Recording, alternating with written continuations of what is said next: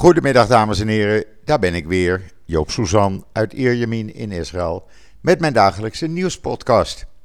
Nou, even vlug over het weer. Het is bloedje heet in Israël. 36 graden, eh, af en toe wat wolkjes. Het is ook eh, behoorlijk vochtig buiten. Uh, ruim 50% is de vochtigheid. Vanmorgen was hij zelfs 72%.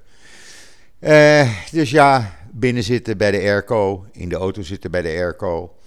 Uh, in de airco moet ik eigenlijk zitten, zeggen. En dan hou je het wel vol. En dan, ja, of s morgens vroeg de straat op, of zodra ja, de zon ondergaat, dan is het lekker. En dan het nieuws uit Israël. Nou, er is weer heel wat te melden. Natuurlijk beginnen we met de Delta-variant van het COVID-19-virus. Er zijn in de afgelopen 24 uur op maandag 283 nieuwe besmettingen bijgekomen. Er zijn 67, bijna 68.000 mensen getest maandag. Testpositiviteitspercentage is nog steeds 0,4 procent. Uh, in totaal hebben we nu 1537 mensen met COVID die actief ziek zijn. Er liggen er 45 in het ziekenhuis. Dat zijn er vier meer dan gisteren. De meeste van hen gelukkig niet ernstig. Er zijn 21 patiënten ernstig in, in een ernstige toestand.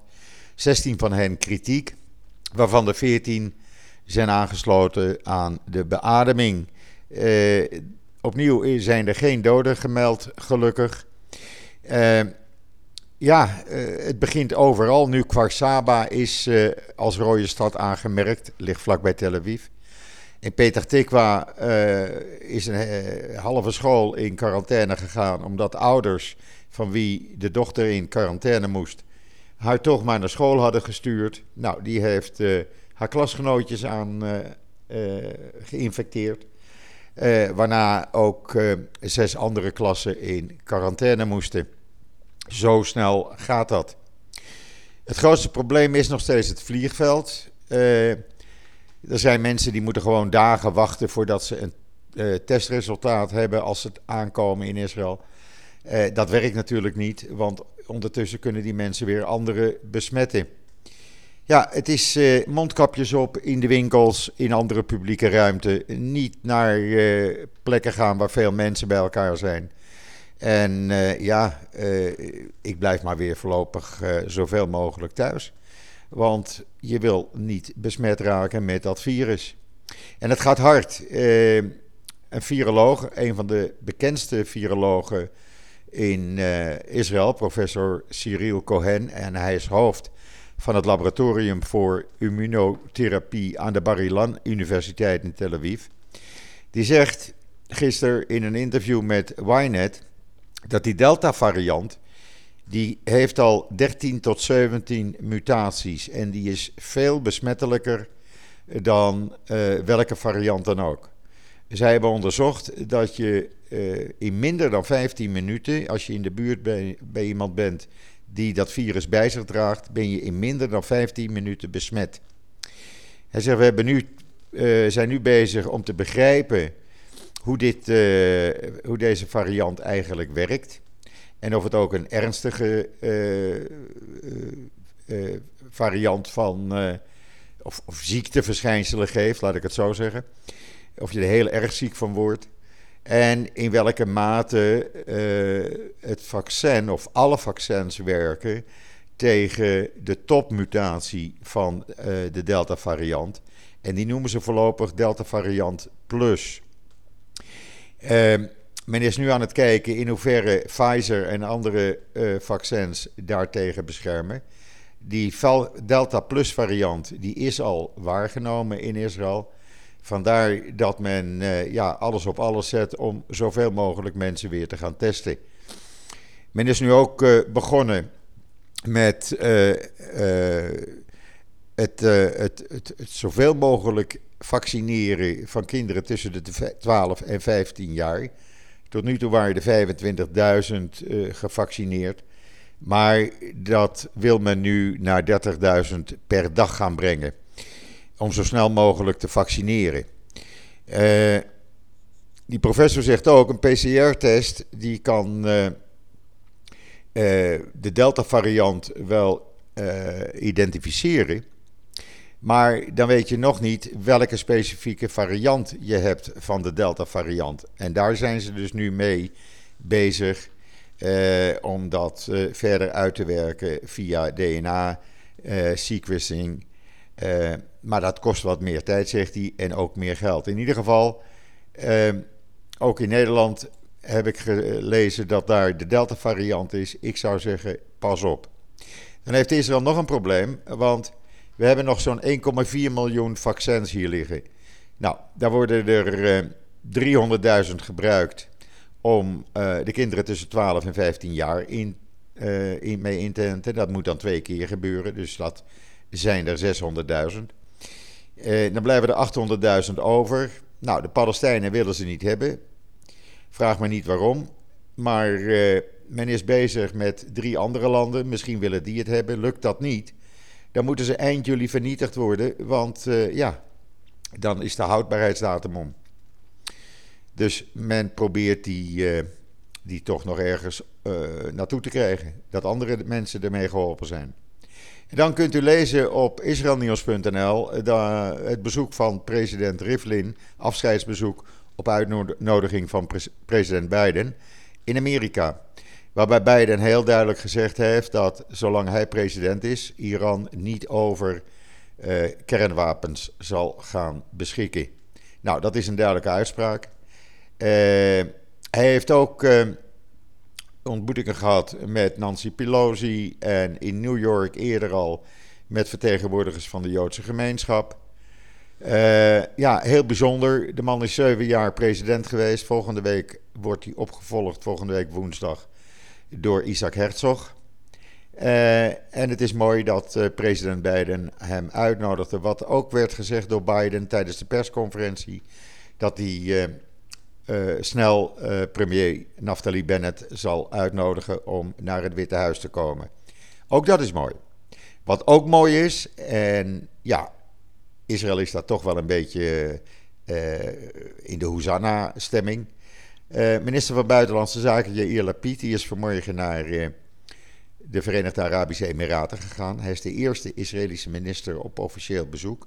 Blijft twee dagen heeft zojuist uh, de Israëlische ambassade in de Emiraten ingehuldigd, geopend. Uh, daar was ook uh, de minister van Cultuur bij van de Emiraten en andere hoogwaardigheidsbekleders. en leden van de Joodse gemeenschap, want er wonen een paar honderd Joden in de Emiraten. Mooi dat dit kan, wen er maar aan, het is de nieuwe tijd. Israël heeft nu ambassades in de Emiraten, Egypte, uh, en Jordanië is toch wel uh, bijzonder. Dus ik hoop dat er spoedig nog meer geopend gaan worden. En ik denk dat we daar heel voorzichtigjes aan mogen gaan denken dat het die kant op gaat. En dan ook iets heel bijzonders wat u kunt lezen en zien op israelnieuws.nl. Een speciale eenheid van de IDF Inlichtingendienst heeft vandaag een speciale onderscheiding ontvangen van de IDF-baas, luitenant-generaal Aviv Kogavi. Eh, wegens uitzonderlijke, buitengewone en innovatieve activiteiten die deze eenheid heeft uitgevoerd. Nou, het is een inlichtingeneenheid. Dan moet je maar denken aan iets heel mm, ja, foudenachtig, laat ik het zo zeggen. Gaat nog zelfs wat, uh, wat verder. Uh, ze hebben dus geheime operaties gedaan en daarbij gedurfde en innovatieve activiteiten ten plooi eh, gesteld, die geleid hebben tot belangrijke prestaties voor de IDF en een grote bijdrage hebben geleverd aan de nationale veiligheid van de staat Israël. Nou, dat is heel bijzonder. Zo vaak gebeurt dat niet. Uh, en dat dat in de publiciteit komt, ja, uh, is toch ook wel apart eigenlijk, toch?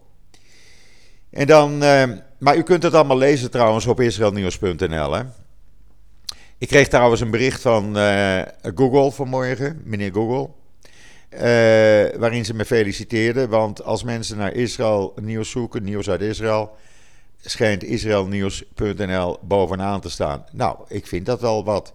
we doen daar toch wel wat aan. Proberen zoveel mogelijk nieuws te plaatsen. En ja, zoveel mogelijk interessant nieuws ook. Van wat er hier gebeurt. Want dat is de enige reden waarom we dat doen. En dan bezoek aan een arts. Dat wordt een fluitje van een cent met een nieuw Israëlisch telehealth apparaat. Je hoeft er niet meer voor naar de dokter toe. Uh, de dokter heeft een apparaat. Uh, je hebt als, uh, thuis een apparaat als patiënt. En ja, de dokter kan gewoon onderzoek doen via internet. draagbare apparaat, daar zit een stethoscoop in. Uh, om, om uh, naar long, hart- en darmgeluiden te luisteren. Een otoscoop om in je oren te kijken. Een oximeter die de hartslag en zuurstof controleert. En een thermometer voor je lichaamstemperatuur. Ja, die zit er ook in. En ook je keel en huid kan worden getest. Want daar heeft dit apparaatje een camera uh, op de smartphone van de patiënt zitten. Nou, dat is natuurlijk hartstikke mooi. Uh, je hoeft je huis niet meer uit. Je gaat via internet uh, contact zoeken met je huisarts. En uh, je wordt onderzocht op afstand. Het hele verhaal staat in israelnieuws.nl natuurlijk. het is al goedgekeurd in Amerika. Men is nu bezig met goedkeuring voor Europa. Het voldoet dan al aan de nieuwste normen en eisen voor privacygegevens van Europa. Uh, dus ja, waarschijnlijk binnenkort te koop bij uh, of uw gezondheidsverzekering of de apotheek. In ieder geval, je kan contact opnemen met het bedrijf. Ik heb de link naar het bedrijf in het artikel staan. Hartstikke mooi dat dit gebeurt. En dan een studie van de Universiteit van Tel Aviv naar het gebruik van water uit lucht. Zoals u weet is er een Israëlisch bedrijf, Watergen. Uh, daar hebben we al vaker over geschreven, die uit lucht water maakt. En nu is een team van experts samen met Watergen bezig van die universiteit om te kijken in hoeverre dat, dit proces vergroot kan worden, zodat bijvoorbeeld uh, in gebieden waar schaarste is aan water, ja, uh, zeg maar grote, hele grote containers kunnen worden neergezet. Die uit de lucht dan water halen. Of die lucht in water omzetten, zo moet ik het zeggen.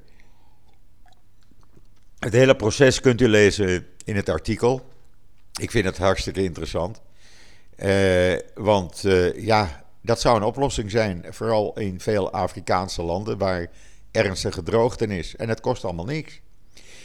En dan, uh, ja, nog even over de temperatuur hier. Het is heel normaal hoor, voor de tijd van het jaar. Maar wat mij elk jaar weer opvalt, en ik woon hier nou toch zo'n 21 jaar, is dat het uh, rond 12 uur uh, dan zo'n 35 graden is.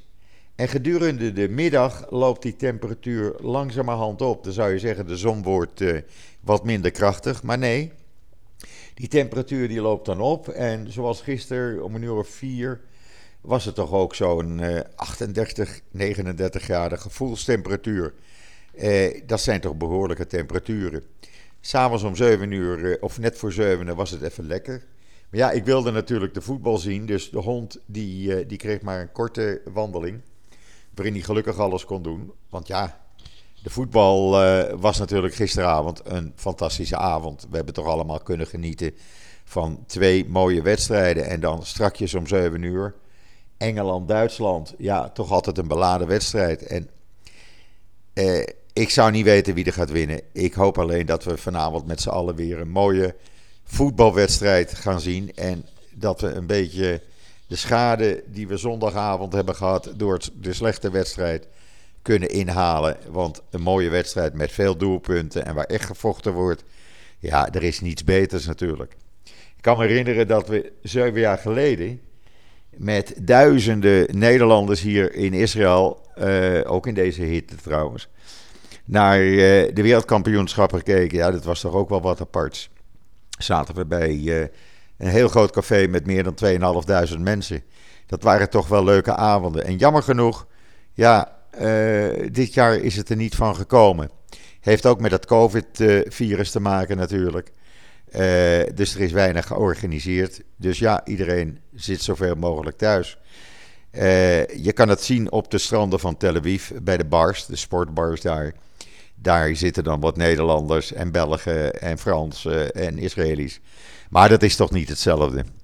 Dus uh, nee, ook vanavond ga ik deze wedstrijd dus, dus weer lekker voor de buis in uh, thuis zien. En dan, ja, er gebeurt natuurlijk nog van alles op dit moment. Wat er gisteravond is gebeurd, ik vond het een beetje kinderachtig in de Knesset. De oppositie, wat nu de oppositie is, die kunnen maar niet wennen aan het feit dat ze uh, geen macht meer hebben en in de oppositie zitten. Meneer Mickey Zohar, die eerste coalitievoorzitter uh, was van de Likud, zeg maar, die zei in een commissie tegen de nieuwe commissievoorzitter van Yamina: Gedraag jij je nou eens als een net meisje? Nou ja, kijk, als je dit soort dingen, dit soort uitspraken gaat doen, dan ben je zo kinderachtig bezig. Dan laat je zo zien hoe een slechte verliezer je bent. Uh, nee, dat werkt niet. En uh, ik denk dat ze zichzelf daarmee in de arm schieten. Want uh, ja, het wordt natuurlijk een lachertje. Als je alleen maar aan jezelf denkt als oppositie en niet meer aan het belang van het land. En dat zei Naftali Bennett gisteravond ook heel duidelijk. Die zegt, uh, ze moeten eens ophouden met dat kinderachtige gedrag. Laten ze nou eens werken, de oppositie, aan uh, zaken voor het land. En zich minder bezighouden met childish gedrag, kinderachtig gedrag. En ik denk dat hij daar gelijk aan heeft. Inmiddels zie ik een berichtje dat de grote testtent op het Rabinplein in Tel Aviv weer terug is na een paar maanden afwezigheid. Men wil het testen ook gaan opvoeren hier in Israël. Ja, het is niet anders. Uh, uh, men wil het testen zelfs richting 100.000 mensen per dag doen. Met 68.000 gisteren zijn we aardig in die richting. Het is niet anders. Ook het eh, IDF Homefront Command is weer aan het testen geslagen. Die zijn er weer bij betrokken. Dus ja, hou dat Delta-virus in de gaten. Het is niet iets waar je eventjes uh, kunt zeggen van ach, het gaat wel weer voorbij. Rest mij u toch nog een hele fijne voortzetting van deze dinsdag, de 29 juni, toe te wensen. Een fijne wedstrijd voor degenen die vanavond voetbal gaan kijken. En wat mij betreft, ik ben er morgen weer en zeg zoals altijd: tot ziens, tot morgen.